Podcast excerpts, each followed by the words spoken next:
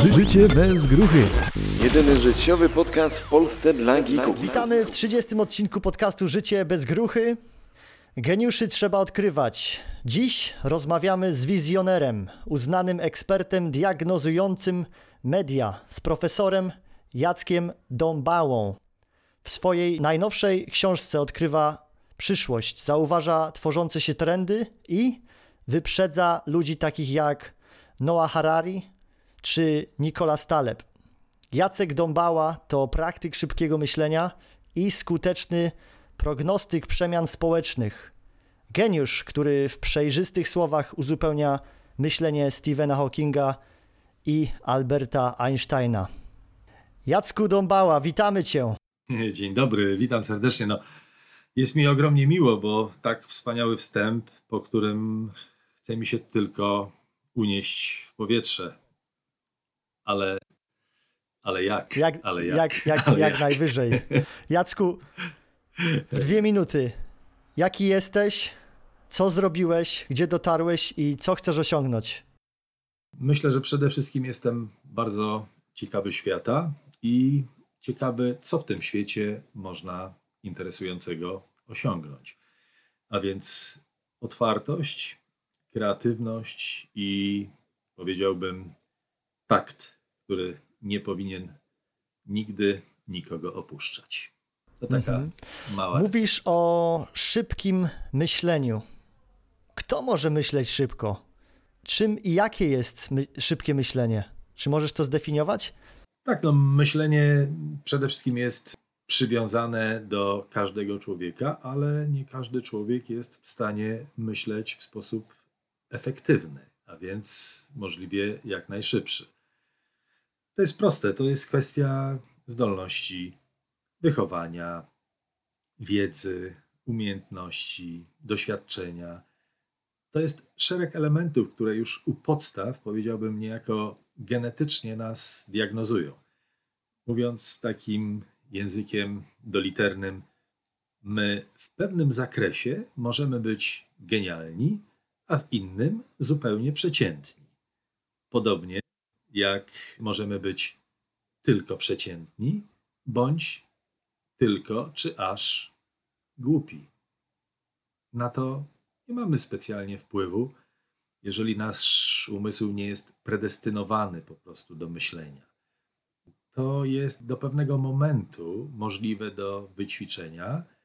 Ci zdolniejsi to odczuwają bardziej, natomiast ludzie, a jest ich większość przeciętni, raczej oswajają się z takim odruchem myślenia i powiedziałbym, że jest to nie tyle samo myślenie, ile taka naturalna reakcja, którą moglibyśmy nazwać zdrowym rozsądkiem, wyczuciem sytuacji, wyszkoleniem, dalej i tak dalej. Więc no, nie możemy mylić czegoś, co jest dobrą naturą człowieka i jego chęcią myślenia z samym myśleniem, bo myślenie jest zbyt skomplikowane.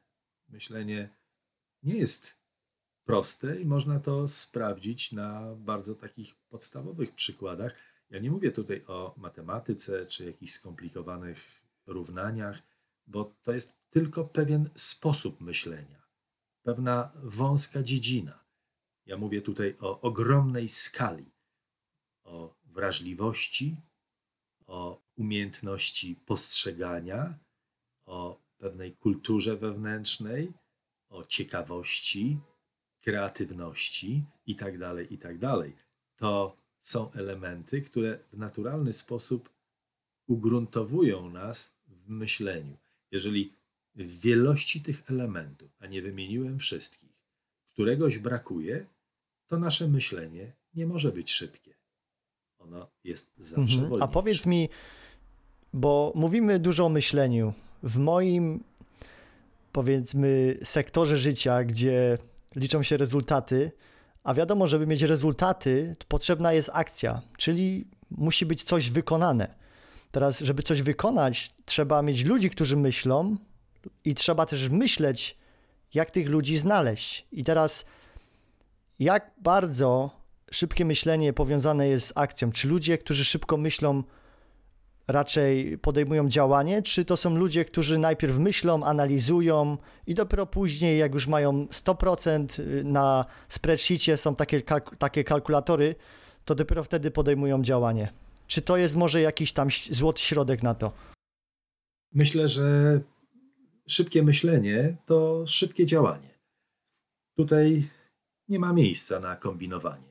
Jeżeli musisz długo myśleć, żebyś zadziałał, to znaczy, że Twoje myślenie nie jest dostatecznie szybkie. Mówimy o takiej optymalnej sytuacji. Pomyślałem, zrozumiałem, działam, jest skutek, koniec. Następne zadanie. Natomiast ogromnym problemem jest wyjście spoza czegoś, co nazywam, i w uproszczeniu myślę, to będzie zrozumiałe, kołtuństwem. Kołtun to moim zdaniem jest słowo klucz, które otwiera drzwi do czegoś, co można nazwać diagnozowaniem siebie. Bo najuczciwiej jest zapytać, jaki ja jestem, z czym sobie radzę, gdy myślę, a z czym sobie nie radzę, gdy myślę. I myślę, że takim najlepszym rozwiązaniem jest spojrzenie na tak zwane pola semantyczne. To jest znakomity test, żeby rozpoznać przede wszystkim siebie, oczywiście też innych można, ale przede wszystkim siebie, czy myślimy szybko. I ten test, moim zdaniem, otwiera właściwie wszystkie drzwi, jeżeli mówimy o szybkim myśleniu.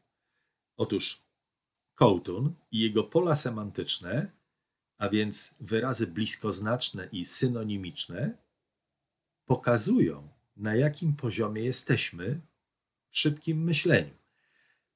To jest mniej więcej tak. Mówimy do kogoś, ktoś nas nie rozumie. I zastanawiamy się, dlaczego on nas nie rozumie. Czy on ma tak słaby umysł? Czy mówiąc brutalnie jeszcze, nazywając to tępy łeb, jak mawiał Witold Gombrowicz? Co takiego się dzieje, że ten ktoś nas nie rozumie? Takich sytuacji jest wiele. Proszę zwrócić uwagę. Zwróć uwagę, politycy rozmawiają ze sobą, dziennikarze rozmawiają, rozmawiają z politykami, wyborcy rozmawiają, obywatele w biurach, w urzędach, w pracy. Ileż to razy mówimy do kogoś i ktoś nas w ogóle nie rozumie. I to jest moment, w którym musimy się zająć kołtunem w nas i polami semantycznymi, a więc wszystkimi bliskoznacznymi określeniami na słowo kołtun, żeby zobaczyć, czy my się naprawdę porozumiewamy. Ja tylko powiem, że słowo kołtun na przykład ma kilkadziesiąt synonimów. To jest skala tak ogromna, ja tylko skrócie powiem. Na przykład kołtun to może być baran, barani łeb, bałwan, może być też głupi, może być tępy jak noga stołowa, może być na przykład hipokrytą, graczem, łgarzem, złoczyńcą, złodziejem, małomieszczaninem i tak dalej. Nawet włóczęgą może być. Więc zwróć uwagę, jak ogromna jest to skala kojarzenia. Nagle się okazuje, żeby to jeszcze bardziej upraktycznić, nagle się okazuje, że załóżmy ty, operujesz 30 synonimami słowa kołtun. Generalnie kołtun to jest tempak, głupek, przymuł i tak dalej, i tak. Ale ty operujesz tymi synonimami w zakresie 30 słów. A ktoś, kto z tobą rozmawia, operuje chociażby siedmioma. I ty używasz tych 23, z których żadne nie jest, nie mieści się w tych siedmiu, które tamten zna. Czy porozumienie jest w ogóle możliwe? Czy szybkie myślenie z tamtej strony jest w ogóle możliwe? Nie jest możliwe, bo ten ktoś cię w ogóle nie rozumie. Ty używasz słowa pustak, psychol, jaskiniowiec, kmiot niedołóg, a ktoś używa na przykład słów zupełnie innych, inaczej to rozumie. Na przykład szuler, szalbierz, naciągacz, krętacz, kombinator. Chyba Tak, tak. A jeszcze mam takie pytanie, prawda? Jacku, bo coś, co jest dla mnie zagadką życia, to jest komunikacja między mężczyznami a kobietami. I tutaj to, co mówisz, ja widzę, że to jest, jak ja bym znalazł taki właśnie taką recepturę na to, co, na to, co powiedziałeś w dużym uproszczeniu i bym potrafił to, nie wiem, nauczyć mężczyzn porozumiewać się z kobietami, siebie nawet, pierwsze to bym siebie nauczył. Tutaj takim pierwszym, yy, powiedziałbym, sposobem na szybkie myślenie, rozumienie się i tak dalej, i tak to jest właśnie ta skala słów, którymi operujemy. Bo zwróć uwagę, że ja odniosłem się wyłącznie do efektownego słowa kołtun, czyli ktoś głupawy, zapóźniony. Natomiast mamy w całym słowniku tysiące słów i każde z tych słów to jest określone pole semantyczne. Jedno, drugie, trzecie, dziesiąte, dwudzieste. I teraz porozumienie z kobietą, która nam się podoba, no niestety bardzo często jest uwarunkowane no, jej też poziomem intelektualnym, znajomością języka, y, pewną wrażliwością, no, cechami tak wieloma, poza oczywiście tymi cechami, o których mówię, a więc znajomością pól semantycznych, że dopóki tego nie określimy w tym pierwszym kontakcie, no to właściwie jesteśmy skazani na niespodziankę i niewiadomą. Więc to, to nie jest tak, że my z każdym się porozumiemy. Oczywiście dodam od razu, że im bardziej jesteś inteligentny, im więcej znasz pól semantycznych, im bardziej jesteś złożony, można powiedzieć zwielokrotniony, zmultiplifikowany w sensie osobowości, charakteru, wyczucia i tak, y, wiedzy, kompetencji, umiejętności itd., itd., tym łatwiej ci będzie porozumiewać się, jeżeli jesteś zdeterminowany, z większą liczbą kobiet. Ja to jeszcze bardziej uproszczę. Ty znając na przykład 50 słów synonimicznych na określenie jakiegoś jednego słowa, a ona na przykład zna 49, 23, 8, może od ciebie, bo szybko to wyczujesz, otrzymać dawkę słów, które rozumie. A więc ty orientujesz się. Aha, znasz 50, ona zna 3, w zakresie swoich 50 znajdujesz te 3, które ona zna. Inteligencja ci podpowiada, na jakim poziomie ona się porozumiewa, co rozumie i co lubi. No i natychmiast w takiej mikroskali, można powiedzieć, porozumiewasz się z nią szybko. Czyli szybkie myślenie na poziomie trzech synonimów, gdy w istocie rozmawiamy o osobniku dość tępym, też jest możliwe. Paradoks, prawda? Mężczyzna też Absolutnie. może trzy słowa, Tak, kobieta tak, tak, 50. absolutnie. I tu Żeby to było jasne. To musiałem to dopowiedzieć, żeby to nie było przywiązane do płci. Szybkie myślenie nie jest przywiązane do płci, rasy, narodowości Mhm, i absolutnie. tak dalej, i tak dalej. Więc y, wiesz co, będziemy nagrywać jeszcze na pewno jeden podcast w Warszawie, bo ja jestem bardzo zaciekawiony i tutaj naszych widzów i, i ludzi, do których ja promuję ten content, jak chcesz, żeby oni się naprawdę nauczyli tego szybkiego myślenia, ja chcę poćwiczyć szybsze przemyślenie, dlatego że mi, mi i, i, i słuchaczom to pozwoli na pewno lepiej żyć, efektywniej żyć. Tak, y, wiesz, bo to jest taka sytuacja, w której ktoś czasami mnie pyta, od czego mam zacząć? Proszę bardzo. Ty, ktoś z Państwa, kto słucha w tej chwili, o czym rozmawiamy, może zapytać, ale od czego mam zacząć? I przykładowo oczywiście, no bo tutaj upraszczam, skracam, to jest nasza po prostu taka rozmowa w określonym czasie. Ale można na przykład zacząć od napisania chociażby kilku słów czy zdań, czym jest nicość. Opisz mi nicość. Ja Powiedz- myślę, że to jest, powiedz, to jest stan jest medytacji, nicość? to jest, y, Jakie on- dla mnie to jest takie flow. To dla mnie to jest takie, taka energia zero. Powiedzmy, tak mówisz, Tak. jest wysoko, jest nisko, to gdzie jest pośrodku, no nie? Tak, tak. Więc opisz mi nicość albo inne zadanie. Opisz mi słowo, jego znaczenia, jego wszystkość, słowo teraz. Mhm, Piękne słowo. Teraz. Co to jest teraz? Przeprowadź diagnozę tego słowa. Teraz. Twoje życie jest teraz. Co znaczy to teraz w Twoim dniu, w Twoim tygodniu, w latach Twojego życia? Co znaczy w makrokosmosie, we wszechświecie? Czym właściwie jest teraz? Jak się mam do niego odnieść? I zwróć uwagę, że to od razu przekłada się na coś, co nazywamy stratą czasu, nieposzanowaniem czasu, takim, no powiedziałbym, bardzo marnotrawczym podejściem do czasu, bo nie rozumiem słowa teraz.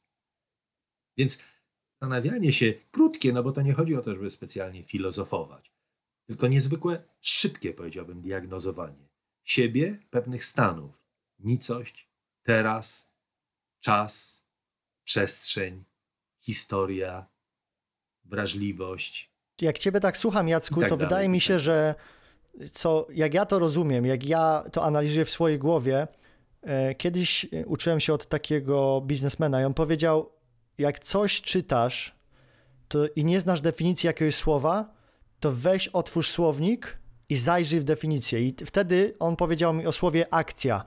Co to jest akcja? Czyli action. Znakomicie, moim zdaniem, ujął ten problem, powiedziałbym, startu.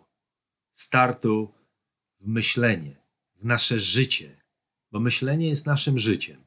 Jeżeli nie myślę, no to właściwie nie żyję. Jestem trochę jak odcięty, no bo zakładamy, że tylko człowiek ma taką zdolność głębszej, głębszej refleksji. I gdy on mówił akcja, to doskonale to wyraził.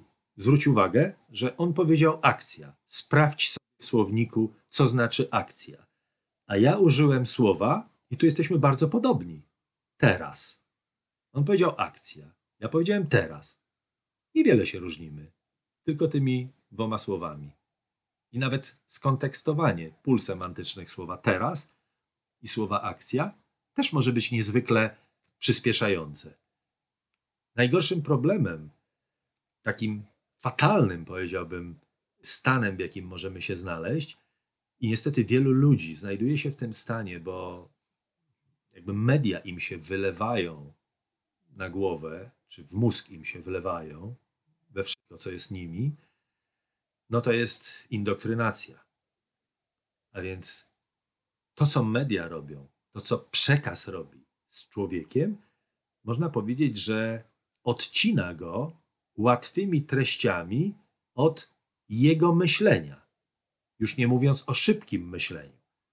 A więc jeszcze inaczej rzecz, rzecz ujmując, indoktrynują go media w swoich przekazach. Ta indoktrynacja służy politykom, no i oczywiście jakimś tam biznesom, bo chodzi o to, żeby ludzie byli możliwie jak najbardziej, użyję skrótu, głupi, Czyli jest im coś aby można sprzedawane. było nimi manipulować. Tak, oczywiście. I najłatwiej to właściwie wychodzi w tej strefie propagandowej. Zwróć uwagę, że tam, gdzie dochodzi do zindoktrynowania, a więc bardzo często w religiach, w rozmaitych światach polityki, w rozmaitych środowiskach, mogą to być środowiska rodzinne, naukowe, bardzo różne. Gdy nagle przyjmuje ktoś, że czyjeś myślenie jest znakomite, godne naśladowania, niepowtarzalne, ale przyjmuje to nie wiedząc, że sam jest lub sama jest bardzo słabym umysłem i nie jest w stanie tego ocenić, to znaczy, że odbiera sobie wolność i staje się niewolnikiem. Co można z tym zrobić? Przede wszystkim od samego początku każdego człowieka, niezależnie od zdolności do myślenia, należy moim zdaniem wychowywać w takim poczuciu prawdy. Oto jesteś tu i teraz, na takim i takim poziomie myślenia. To nie jest poziom wysoki. Spójrz, tego nie wiesz, tamtego nie wiesz, tego nie rozumiesz. Coś z tym. Po co? Żebyś zawsze wybierał mądrze. Żebyś zawsze, nawet gdy jesteś kimś, kto nie pracuje umysłem, jest no, policjantem, hydraulikiem, księgowym, pilotem. Mówię, pracuje umysłem w sensie takim mm, głęboko refleksyjnym, żebyśmy się dobrze zrozumieli. Czyli nie myślisz tylko zawodowo, ale myślisz jakby o Czyli myśleniu. takie meta, tak? Takie ponadmyślenie, jak po myśleć. Tak, tak, tak, świetne ujęcie. To jest takie meta ujęcie, czyli szybkie myślenie, można byłoby powiedzieć, jest takim meta podejściem do myślenia, ale przekładalnym na akcję, na działanie, na teraz. Czyli jeżeli ja umiem to skupić i podejmuję właściwe decyzje, czyli myślę komplementarnie, to jest ogromna szansa, że coś osiągnę. I to nie jest ważne, czy to jest sukces, czy nie jest sukces, ale coś osiągnę takiego, że będę szczęśliwy, będę zadowolony, spełnię się. Dlaczego? Bo jestem świadomy tego, co zrobiłem. Przekleństwem człowieka, człowieka jest, moim zdaniem, doprowadzenie go i taką nieuczciwością, właśnie z indoktrynowaniem, propagandą do stanu kompletnie nieświadomego, takiego kadłubka, który wydaje mu się, że myśli, że jest, że jest w pełni odpowiedzialny za to, co robi, zrobił i rozumie, a w istocie po prostu, tak jak sam powiedziałeś, sprzedano mu pewną wizję świata po to, żeby wiernie Czyli to jest też, ta, to jest też taka gra, no nie? I teraz powiedz mi, jak to jest, że. No bo trzeba tą grę grać i teraz jesteśmy powiedzmy tu i teraz w teraźniejszości, ale odgrywamy jakieś role, no nie? Czy, czy to w, w życiu zawodowym, czy to w prywatnym, czy nie wiem, czy gdzieś tam się bawimy i tak dalej. I dużo, bardzo mi się tutaj w ogóle konceptów pojawia na temat tego meta. W ogóle wyszedłem z takiego normalnego, wiesz, dziennego myślenia, żeby przemyśleć to, co ja w ogóle zobaczyłem siebie i to już jest w ogóle powiedzenie, zobaczyłem Tak. siebie, no nie? To, to chyba już całościowo tutaj mówi, ale generalnie chciałbym się skupić na czymś takim naprawdę, do czego nasz słuchacz może się odnieść od razu. Skupmy się na koronawirusie na chwilę, bo to, co powiedziałeś, i wiem, że jesteś mega ekspertem w mediach, nie tylko w mediach, w semantyce i w myśleniu. Ja się będę od ciebie bardzo, bardzo uczył. W Warszawie mm, chciałbym z tobą nagrać też podcast i w ogóle mm, też, żebyśmy sobie taką sesję zrobili. Chciałbym no, naprawdę przedyskutować kilka spraw właśnie o tym szybkim myśleniu i się, że tak powiem, wystać z, z ciebie tą, tą wiedzę. bardzo, bardzo dziękuję. ja Jasne, też się ale powiedz o koronawirusie. Jak czas. media wpłynęły na percepcję ludzi, czyli odbiorców tego komunikatu, no w, powiedz w Polsce. Ja, ja mogę powiedzieć tutaj, w, jak, jak wpłynęły w UK. Też Michał będzie za tydzień na podcaście nasz y, tutaj e, doktor Zielonka, on powie o sytuacji w, y, w Stanach, a ty powiedz w Polsce i tak z poziomu meta. Ja myślę, że przede wszystkim w tej chwili stan świadomości w Polsce, ale nie tylko, sądzę, że się zgodzimy tutaj, gdy porównamy moją diagnozę, yy, ten stan świadomości jest pełen chaosu. Po prostu media i polityka to jest zderzenie, które zawsze jest krwiożercze, można powiedzieć. I gdy pojawia się tego typu epidemia, zarówno polityka, jak i świat mediów zderzają się. Bo z jednej strony, zwróć uwagę, media chcą możliwie najbardziej uczciwie informować. Z drugiej strony, też w samym jądrze polityki jest część polityków, którzy chcą informować i robić to bardzo otwarcie, a niektórzy nie chcą tego robić, a jeszcze inni, ze względu na chociażby odpowiedzialność, czyli na przykład wywoływanie paniki, część informacji może nie utajają, ale neutralizują czy sprowadzają do takiego, powiedziałbym, sygnalizowania. I gdy media przechwytują takie sprzeczne informacje, że dojdzie do upadku, nie, wyśli, nie wymyślimy lekarstwa, że w każdej chwili wszyscy mogą zachorować, no to tworzy się taki nastrój paniki. Z drugiej strony, gdy sami ludzie widzą na ulicy, że no nie wszyscy chorują, nie wszyscy umierają i większość ludzi nie widzi tych umierających, to też nabierają, i to jest druga strona medalu, dość fałszywego wrażenia, że właściwie nic się nie dzieje. I tutaj ten złoty środek, ta gra pomiędzy rozsądkiem, propagandą, prawdą, fake newsem, ona cały czas musi nas sprowadzać, gdy mówimy o szybkim myśleniu, gdybym miał diagnozować, ktoś by mnie zapytał, to co mam robić w tym chaosie, musi nas sprowadzać do sytuacji, w której staramy się ograniczyć straty na wszelki wypadek. A więc nie jesteśmy zbyt bohaterscy i niewierzący w koronawirusa, ale też nie jesteśmy nadmiernie wierzący w to, że musimy się na przykład całkowicie odizolować w swoich domach, no bo nie ma takiej możliwości. A więc zachowywać się powinniśmy w sposób, jak już powiedziałem, rozsądny, czyli wyważony. Tam, gdzie logika sama podpowiada, warto byłoby włożyć maskę, no to wkładamy ją. No proste, no jak jesteśmy w jakimś ogromnym skupisku ludzi na jakimś dworcu i tak dalej, i tak dalej, no to dobrze jest być w masce. Gdy jesteśmy na dworze i logika nam na przykład podpowiada, że no, rozmawiamy w jakimś małym kręgu znanych ludzi yy, i teoretycznie ci ludzie nie chorowali, nikt wokół nich nie chorował, no to też możemy sobie pozwolić na jakiś logiczny dystans, czyli metr, półtora, zaleca się dwa, ale też możemy tą maskę gdzieś, jak jeszcze wieje wiatr, odpowiednio stoimy, przestrzegamy tego nawiewu i tak dalej. Więc to jest takie wyważanie, moim zdaniem, pewnych proporcji we własnych reakcjach. Najgorsze są skrajności, a niestety chaos. Sytuacja, o którą zapytałeś, sprawia, że większość ludzi sobie z tym nie radzi. I albo w ogóle w to nie wierzą i porzucają wszelkie formy zabezpieczania się, albo no, w sposób taki, powiedziałbym, skrajny, noszą maski, izolują się, siedzą w domach i no, są na granicy paniki.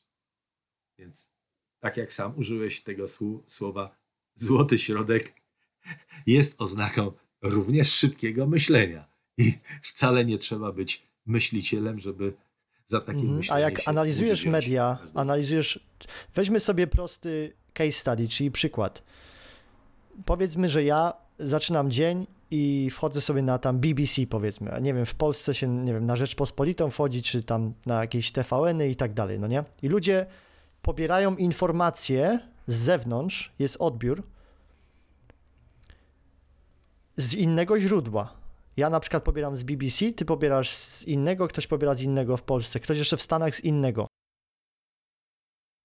No ja to pobieram co najmniej z kilkudziesięciu już od godziny 5 rano. Czy mógłbyś, mógłbyś powiedzieć o procesie, takim, jest- takiej prostej recepturze, metodzie, jak ktoś, kto słucha, może zdobyć lepszą inteligencję, żeby właśnie analizować, obronić się, ale też Czyli y, obronić tak jak ten y, taki, powiedzmy, jak się uczyłem kiedyś Aikido, to właśnie tą obroną atakujesz. Nie wiem, czy to dobrze wy... Tak, wykorzystujesz. Tak. W miękki sposób po prostu wykorzystuje siłę y, y, napastnika czy przeciwnika. Tak, ja myślę, że tutaj takim złotym lekarstwem, najlepszym lekarstwem w podejściu do mediów jest zaufanie przede wszystkim do źródła. A więc te media, które możliwie najbardziej niezależnie, najbardziej bezstronnie przekazują informacje, czyli nie doładowują tej informacji jakimiś interesikami, jakąś propagandową formułą przymiotnikową, jakimiś ozdobnikami itd., itd., tylko wprost jakby odnoszą się do przedstawienia sytuacji z różnej strony, cytując na przykład ekspertów, to są media, które zbliżają nas do naszej wolności i naszego bezpieczeństwa. Przekleństwem jest sytuacja, w której słaby umysł obywatela rozkochuje się na przykład w mediach propagandowych. Niezależnie od tego, czy to są media prywatne, biznesowe, wygrywające oczywiście interesy właściciela, czy też są to media rządowe w danym kraju i proponujące przede wszystkim treści od, odpowiednie czy korzystne dla rządu. To nie są, to nie jest ani dziennikarstwo, ani interes społeczny. A więc, gdy wchodzisz w media, to wybierz te media, które starają się być możliwie bezstronne, gdzie dziennikarze dokładnie sprawdzają informację, zanim ją wypuszczą. Omijaj portale społecznościowe, gdzie no, poza wyjątkami większość osób to nie są profesjonalni dostarczyciele wiedzy, informacji i tak dalej, i tak dalej. Po prostu musisz wiedzieć, kogo słuchasz i czy nie tracisz czasu. Ale problemem jest, i to bardzo wyraźnie chcę podkreślić, że zindoktrynowanie mediami niebezstronnymi jest tak potwornie silne, ponieważ się podoba. I tutaj takim pierwszym wskazaniem, i to też może być wyrazem naszego my myślenia, szybkiego myślenia, takim pierwszym wskazaniem, że coś złego dzieje się z danym medium, jest no, ten moment, w którym nagle mogę zapytać, czy to medium, które do mnie mówi, zabiera komuś wolność, kogoś nienawidzi? Czy to medium, które do mnie mówi, chce mi zabrać wolność, jakąkolwiek? Czy zachęca mnie, żebym kogoś nie lubił? Żebym na kogoś pluł? To nie są media. Szukaj mediów, w których nie ma tych stanów. Jest tylko jeden stan. Ku wolności, ku wolności, ku wolności. Dlaczego? Ponieważ gdy media pracują nad wolnym myśleniem, nad moją wolnością, to są po prostu bezpieczne dla wszystkich. A czy mógłbyś Nawet dać jakieś dla- e, konkretne przykłady z nie tylko z Polski, ale też z zagranicy? Nie wiem, powiedzmy trzy przykłady. No, no na przykład BBC to jest też z jakimiś tam potknięciami, bo w różnych momentach to się działo. Ja już nie będę ich tutaj wydobywał, ale to jest naprawdę możliwie najbardziej profesjonalny, bezstronny przekaz. A na przykład takim drugim przekazem, o którym też go przykładowo użyję, mówi się, że jest w jakimś sensie indoktrynujący, czy polityczny, czy sprzyjający komuś, jest na przykład telewizja Fox News, o której się mówi, że sprzyja na przykład obecnemu prezydentowi. Czyli przekazuje pewien, jak to się ładnie nazywa, konserwatywny obraz świata. A z kolei ktoś inny może powiedzieć, że na przykład CNN, też, też w sensie globalnym funkcjonujący, przekazuje taki bardziej liberalny obraz świata. I tak dalej, i tak dalej. Natomiast zawsze trzeba sprawdzać, czy dziennikarz, który do mnie mówi, to jest dziennikarz, który mówi bezstronnie i nie stara się mnie zakazić emocjami. Bo informacja, tak naprawdę, sama w sobie, twarda informacja, powinna pokazywać stan rzeczy. Coś tak wygląda, jedni mówią na ten temat tak, drudzy tak, trzeci tak. Ty widzu, ty słuchaczu, ty czytelniku, wyciągnij wnioski. Dostarczyłem ci porcję do myślenia. Nie powiedziałem ci, jak należy myśleć dobrze. Bo niby dlaczego? Cóż to dziennikarz jest takim kwiatem inteligencji, że ma prawo tobie czy mnie mówić, jak mamy myśleć? Często są to okruszki intelektualne. Po prostu rzemieślnicy. I jak to wiemy, to szanujemy siebie, szanujemy dziennikarstwo, szanujemy wiedzę, szanujemy wolność. Mhm. A wiesz co, Jacku, mam naprawdę jeszcze mega sporo pytań. Chciałbym się od ciebie dowiedzieć przede wszystkim, jak modulować głosem. Tu nauczymy na pewno słuchaczy. To jest moim, w moim doświadczeniu jedna z najbardziej przydatnych no, informacji i, i takich umiejętności w życiu. Sam powiedziałeś mi, rozmawialiśmy, mieliśmy ponad dwugodzinną chyba rozmowę wcześniej na temat właśnie tego, że słowa to jest tylko procent komunikacji, ale o wiele większym procentem jest y, samo przekazanie też właśnie jak się przekazuje to, nie, te, te informacje i tutaj też chciałbym, żebyś powiedział kilka słów i przejdziemy zaraz do kolejnego wątku i to chciałbym rozwinąć później, jak będziemy w Warszawie. Także czy mógłbyś powiedzieć o modulacji y, dla ludzi, żeby jak słuchają, to żeby też słuchali, na pewno wsłuchiwali się w jak, jak ludzie modulują głosem i, i, i czy, czy jak oni mogą praktykować, żeby wykorzystywać znowu tą umiejętność, bo każdy mówi, no nie? Przecież mówi, to jest nasza broń. Komunikacja. Tak, to jest rzeczywiście coś, coś, co sprzyja szybkiemu myśleniu. Oczywiście nie trzeba przesadzać, bo gdy przesadzimy, to to, co mówimy, jest nienaturalne. Ale gdybym miał wskazać, jak modulować głos, żebyśmy byli słuchani, to powiedziałbym, nie ustawiać go zbyt wysoko, po pierwsze, trochę go kierować w stronę szeptu, albo też dbać o tak zwany iloczas, a więc wypowiadanie każdego słowa z bardzo wyraźnym początkiem, środkiem i końcem. Innymi słowy, nie zjadanie początków i końców słów. To byłaby taka najkrótsza lekcja i receptura z tego ogromu materiału, który no, Nagrajmy, nagrajmy o tym odcinek. Chciałem, w żebyśmy nagrali o tym odcinek i tutaj wy, wyedukowali ludzi i to ja dla, po prostu samolubnie dla siebie to wezmę też. E, jestem, no wiesz co, no ludzie zapytają się, wiesz co, ja jestem programistą, ja jestem, nie wiem, y, projektantem, ja jestem designerem, po co mi takie umiejętności? Przecież jak ja bym wziął, to bym tylko w łeb strzelił, jak słyszę coś takiego. Słuchaj, każdy komunikujesz się, czy to z szefem, czy to z kolegą z pracy, czy to ze swoją dziewczyną, czy ze swoim chłopakiem. To, jak ty mówisz, wpływa na ich samopoczucie, bo oni odbierają, odbierają ten głos, ich system nerwowy odbiera i przetwarza. Później przetwarza w swojej bazie danych, w swoim mózgu wszystkie słowa, które my wypowiadamy, wchodzą w, pew, w, pew, w pewnego typu teraźniejsz, teraźniejszość, w pewnego typu trans, bym powiedział, kiedy są w tym danym momencie. I, I właśnie dlatego ja wiem, bo osiągam rezultaty zawodowe takie, gdzie ta modulacja głosu i właśnie i, i, i to komunikowanie się no jest y, najważniejszą rzeczą, najważniejszą rzeczą, więc do tego dojdziemy i nagramy, obiecuję. Ja to muszę zrobić, jak będę w Warszawie w, w lipcu, muszę to zrobić. Więc dobra, Będzie, będzie mi bardzo miło, powiem tylko najkrócej, puentując to, do czego nawiązałeś. Właściwe mówienie i odpowiedź na pytanie, po co mi to potrzebne? Otóż właściwe mówienie jest po prostu przyjemne. Czyli ty, który nie wierzysz we właściwe mówienie, komunikowanie się, a więc właściwe, szybkie myślenie, nie zdajesz sobie sprawy, czego się pozbawiasz.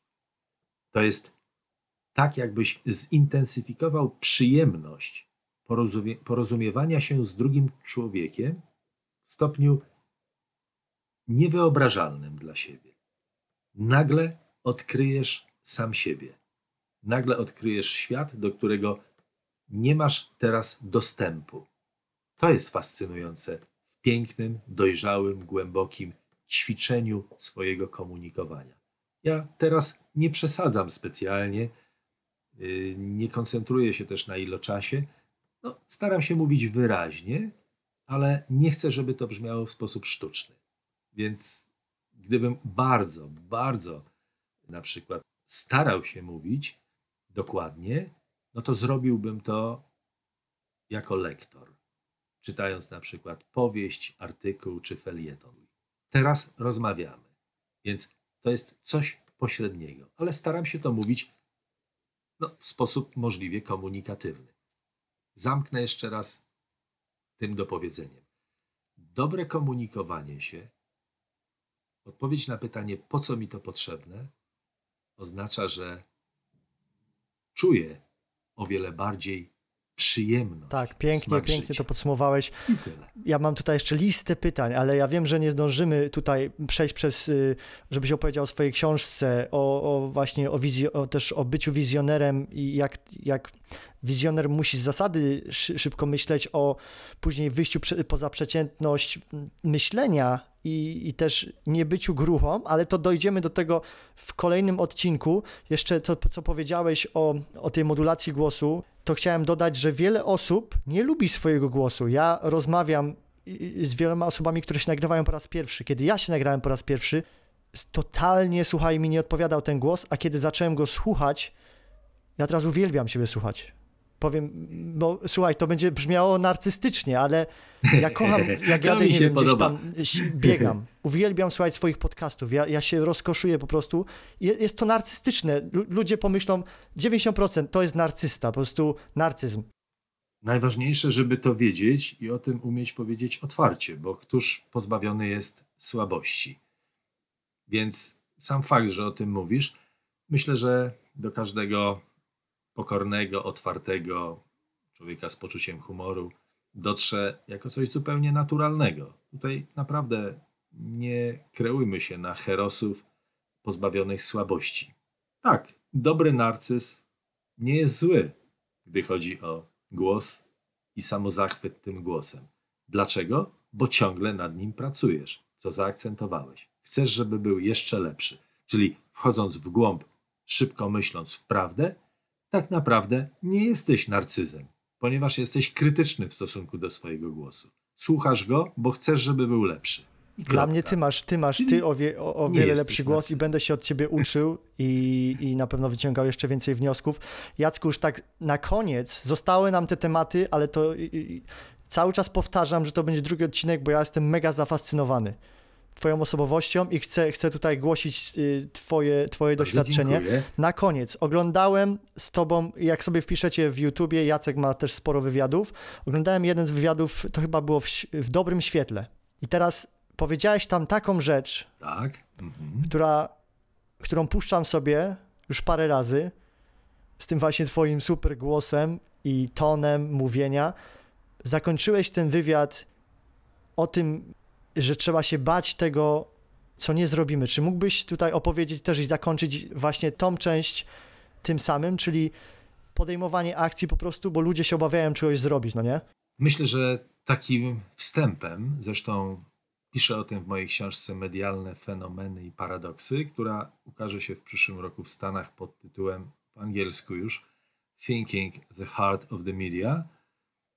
Takim wstępem jest przede wszystkim coś, co nazwałbym przekroczeniem własnych granic. A więc wrócę tu szybko do słowa kołtun. Proszę spróbować napisać na jedną stronę maszynopisu odpowiedź na jedno pytanie. Czy jestem kołtunem? Tak czy nie i dlaczego? Każdy niech to zrobi dla siebie. Pozna pola semantyczne, pozna siebie i będzie wiedział, na ile jest zdolny lub niezdolny w danym momencie wejść w akcję. I ta samoświadomość będzie jego siłą. Będzie błogosławił dzień, gdy zdecydował się to zrobić. To nie jest dołowanie. To jest coś fantastycznego. To jest prawdziwy wstęp do akcji, do działania. Do tego, aby nie być gruchą. Sukcesu. I tutaj na pewno jeden z synonimów kołtuna to jest grucha. Można tak powiedzieć. Aczkolwiek nie znalazłem tego w słowniku synonimów, ale masz, mój drogi, ogromny wkład w słowotwórstwo. Dokładnie, dokładnie. Czyli można powiedzieć, że ten synonim stworzyłeś ty. I ktoś, kto wpisze słowo grucha do słownika wyrazów bliskoznacznych, będzie mógł napisać Widę Marcin. Dok- E. dokładnie. Jacku, dziękuję Ci za Twój czas. Dziękuję Ci za to, że tutaj się wypowiedziałeś. Jest masa tematów. Ja rozpisuję, zapytam jeszcze ludzi, e, co by chcieli usłyszeć też. I, I słyszymy się, słuchaj, w Warszawie już na pewno przy też lepszym mikrofonie i też z lepszą energią. Bardzo dziękuję, dziękuję Tobie, dziękuję Państwu za cierpliwość i proszę o tolerancję, bo przecież nikt z nas nie jest doskonały. Dziękuję serdecznie. Do, do usłyszenia.